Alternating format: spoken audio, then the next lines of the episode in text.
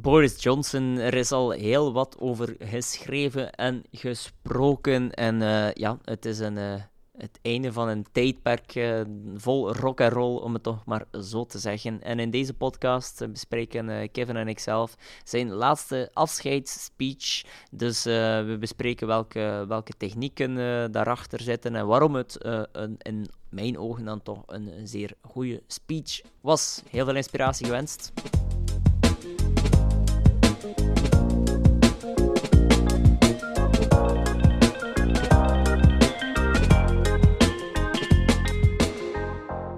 Vandaag onze podcast ook eindigen met Hasta la Vista, Reinoud. Net zoals de speech van Boris Johnson enkele weken geleden. We kunnen dat zeker doen, uh, Kevin. Uh, al dat ik waarschijnlijk niet denk dat we, uh, dat we daar extra luisteraars mee gaan, gaan bereiken voor deze podcast. Maar ehm, ja, ehm, het is wel opvallend, uiteraard, hoe dat mhm. deze speech weer geëindigd uh, is. En zeker, ja, goed, opvallend. Uh, uiteindelijk is niets nog opvallend met Boris mm -hmm. Johnson. Maar uh, laten we het dan eens psychologisch en politiek ook bekijken.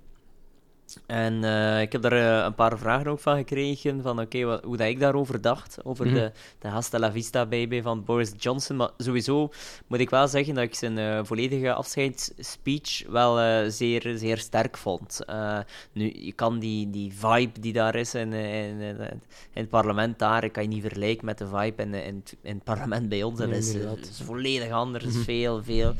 Ja, ik vind het toch attractiever om, mhm. naar te luisteren. De, de, de, de discussies die daar zijn. En zeker iemand als Boris Johnson, mhm. die weet uiteraard ook hoe hij het publiek moet uh, opzwepen of entertainen. En hij weet uiteraard ook dat die speech ja, ja, massaal zal bekeken worden en dat het ook het, het laatste moment is om te shinen. Hè. Dus hij heeft daar uiteraard wel over nagedacht, alhoewel, ja, goed Misschien komt dat ook, hij zei, ja, komt dat zomaar uit de mouw, maar ik denk meestal, uh, denk je daar wel op voorhand over na.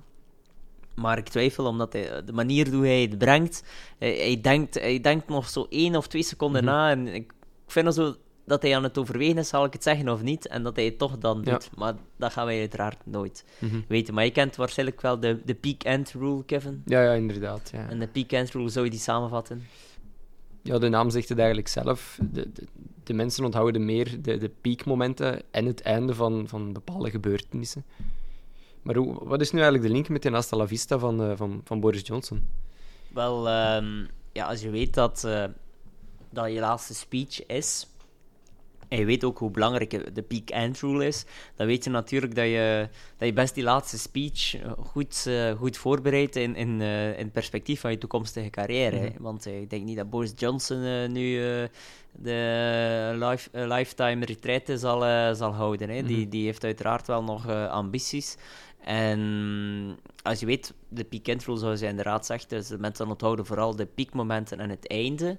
En uh, om misschien een keer een analogie uh, te maken van, van een relatie, dan zie je daar dat heel vaak terugkeren, de peak rule. Die is trouwens van Daniel Kahneman. En ehm, om dat nu toe te passen op een relatie, dus je ziet heel vaak als een relatie stuk loopt, dat mensen vooral dus de piekmomenten onthouden en het einde. Stel nu bijvoorbeeld een relatie 20 jaar, wat vandaag al uitzonderlijk lang is in de, de, context waar we leven. Maar um, het, een relatie van 20 jaar, dan loopt die stuk. En natuurlijk, als die fout loopt, dan is het einde nooit goed. Want anders mm. zou de relatie waarschijnlijk niet fout of uh, st uh, stoppen. Dus het einde is niet goed. En uh, wat zie je dan heel vaak in een, uh, ja, in een evaluatie van die relatie, is dat ze zeggen van, goh, hoe is het toch mogelijk dat ik daar twintig jaar lang ben bij uh, kunnen blijven? Hè? Dat, dat, is waarschijnlijk wel iets dat, -hmm. dat je herkent, of, dat je, of dat de luisteraars ook wel al gehoord mm -hmm. hebben. Terwijl uiteindelijk, of ja, wat ze dan soms ook wel nog zeggen, is die piekmoment. En dan zeggen hoe is het toch mogelijk dat ik daar twintig jaar ben bij kunnen blijven? Ja, alhoewel, mm -hmm. we hebben ook onze goede momenten ja. gehad. En dan die goede momenten zijn dan die piekmomenten. En zijn, we hebben ook onze goede momenten gehad. Bijvoorbeeld onze reis naar Zuid-Afrika. En dit en dat en dat. En dat zijn dan die piekmomenten -hmm. die men noemt. Maar men vergeet uiteindelijk alles daartussen. Dus alle kleine golfjes, bijvoorbeeld die 19,7 jaar, uh, uh, die eigenlijk goed is gegaan. De alle dagen dat het gewoon normaal was. Mhm. Maar dat vergeet je. Omdat dat, dus de peak end rule, mensen onthouden de piekmomenten en het einde, de relatie is slecht. Op het einde, uh, dus onthouden ze een slecht gevoel buiten de piekmomenten. Ja.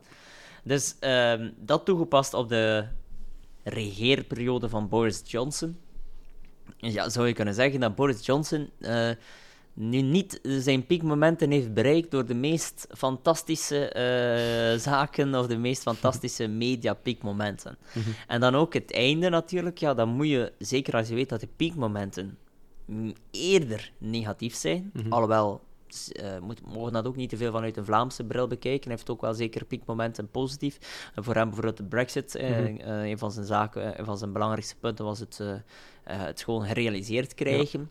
En anderzijds ook, heeft hij ook wel een heel groot piekmoment bereikt door, door daar ja, heel onverwacht plots in uh, Oekraïne met Zelensky uh, ja. rondlopen. Hij was ook mhm. een van de eerste.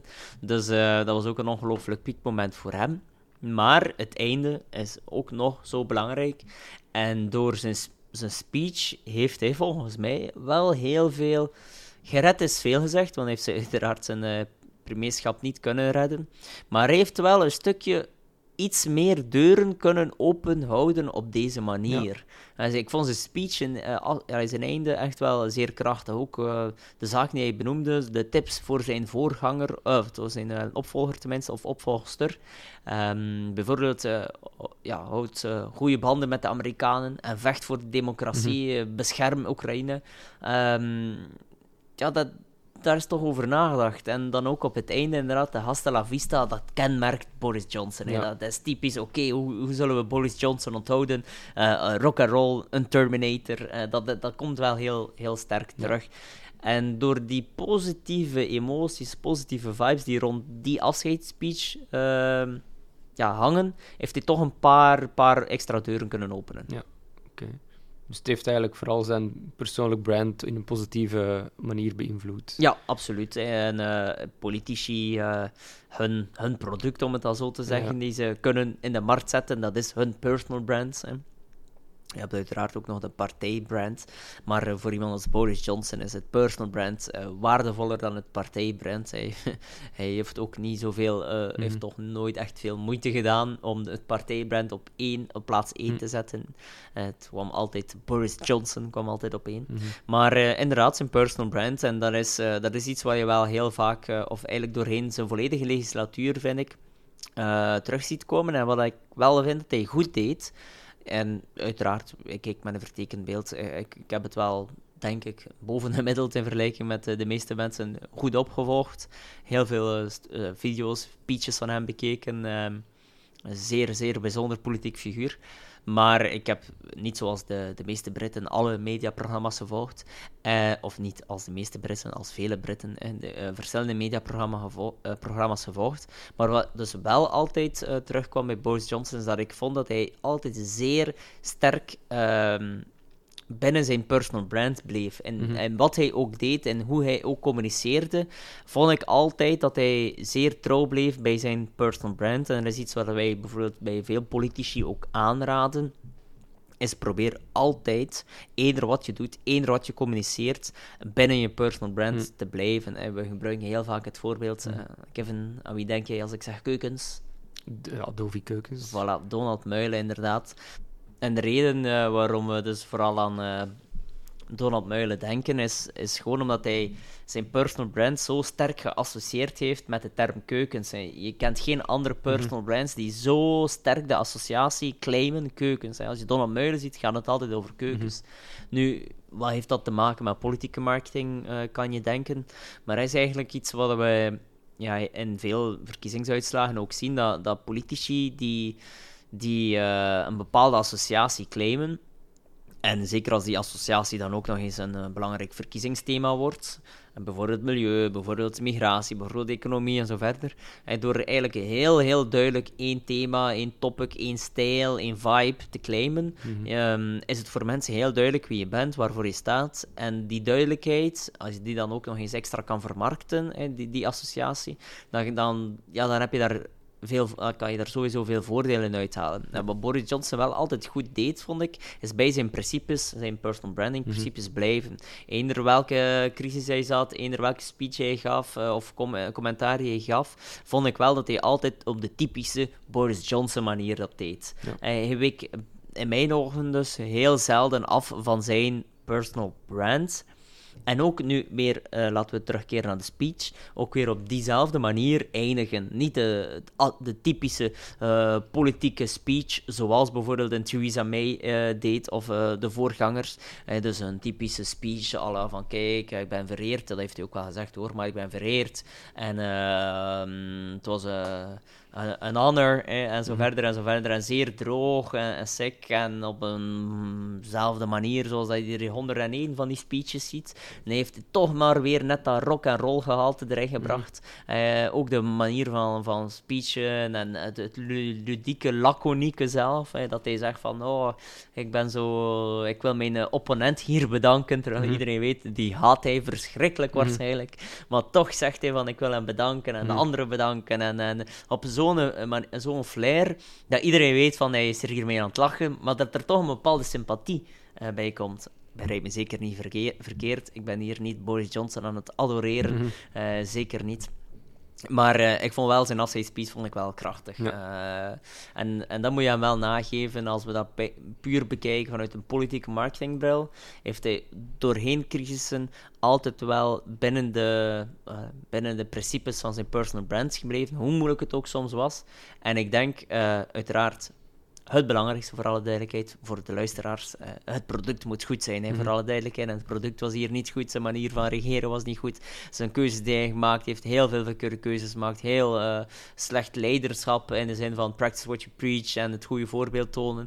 Eh, dus voor alle duidelijkheid was dat fout en is ook de hoofdreden waarom hij moet aftreden. Maar als we puur kijken, los van de inhoud, naar hoe hij het marketing technisch heeft aangepakt, vond ik het wel niet slecht. Ja, maar is dat eigenlijk ook geen gevolg van het constant naleven van dat personal brand? Dat bijvoorbeeld, als alle politici dat doen, dat dat nadelig is voor het, het bereiken van een, een- consensus binnen debatten? Of, of... Ja, dat. dat ehm, ja, er is een potentieel nadeel, uiteraard. Maar op zich, als iedereen bij wijze van spreken de Donald Trump way of de Mhm. Boris Johnson way, niet dat ik die twee nu 100% wil vergelijken met elkaar, maar eh, als nu iedereen die uitersten gaat opzoeken, Mhm. gaat er sowieso ook een markt komen voor het centrum en voor het leiderschapsgegeven. Ja. Eh, en er is bijvoorbeeld iets wat een Mark Rutte in Nederland heel hard heeft gedaan in zijn vorige verkiezingen. Hij heeft eh, zoveel mogelijk proberen het, een thema eh, niet de bela- eh, belangrijk te maken, maar zoveel mogelijk het leiderschapsgegeven Ja. eh, een thema te maken. En dan natuurlijk, ja, als je dan iemand hebt die heel veel rond dat leiderschap communiceert en dan ook heel hard op positioneert, dan zie je ook dat net leiderschap geven, het centrumverhaal dan... eh, ja goed, Mark Rutte is nu niet de meest, meest centrumpersoon. Als je dat puur politiek-ideologisch bekijkt, Mhm. alhoewel dat hij altijd zegt, de visie is, eh, is iets voor de... Wat zegt hij? Voor de oogarts of zo, iets is zijn bekende quote. Eh, maar hij heeft wel heel hard dat leiderschap geclaimd en daar heel hard op gefocust. Ja. Dus je, dat wil niet zeggen dat daar ehm, geen, geen antwoord kan op geboden worden. Zeker Mhm. niet. Oké. Alright, dus eh, om af te ronden, Reinoud, wat zou je politici op, politici op basis van deze speech kunnen aanraden? Wel, ehm, stel, ik hoop eh, uiteraard dat dat nooit gebeurt eh, voor de mensen in kwestie. Als je in moeilijkheden komt en je hebt eh, een bepaalde ja, keuze dat je moet maken, dat je de, de, je, je, verantwoordelijkheid moet stopzetten, in dit geval het premierschap, ja, dat je zeker ook altijd rekening houdt met het einde, want... ehm, en trouwens, niet alleen bij, bij uitvoerende mandaten, hè. ook trouwens gewoon bij, bij situaties en bepaalde contexten zie ik vaak dat politici op het einde hun communicatie verwaarlozen. eh, dan eerder denken van oké, het begin en het middelste stuk, terwijl eigenlijk het einde ook heel, heel, heel belangrijk is. En dus vergeet dat ook nooit, ja, je, je weet nooit waar, eh, welke keuzes of welke kansen er nog eh, komen.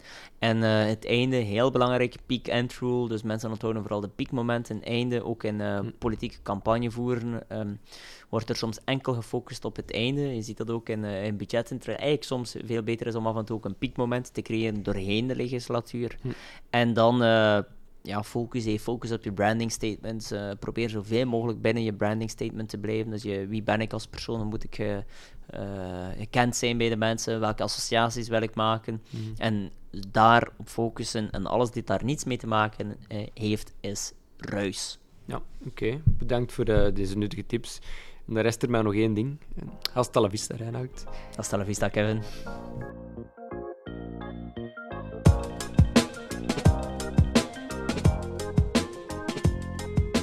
Politieke marketing, een topic waar we binnen Exposure heel veel mee bezig zijn. En uh, wil je daar nog meer informatie over, dan verwijs ik je graag naar onze website www.exposure.be. Je vindt er namelijk e-books over politieke marketing, ook over andere, andere topics. Dus uh, ja, kijk zeker eens naar onze website. En heb je nog meer vragen of uh, zelfs suggesties van onderwerpen die je graag zou besproken uh, willen horen in onze podcast, dan kan dat uh, gerust via reinoud.exposure.be.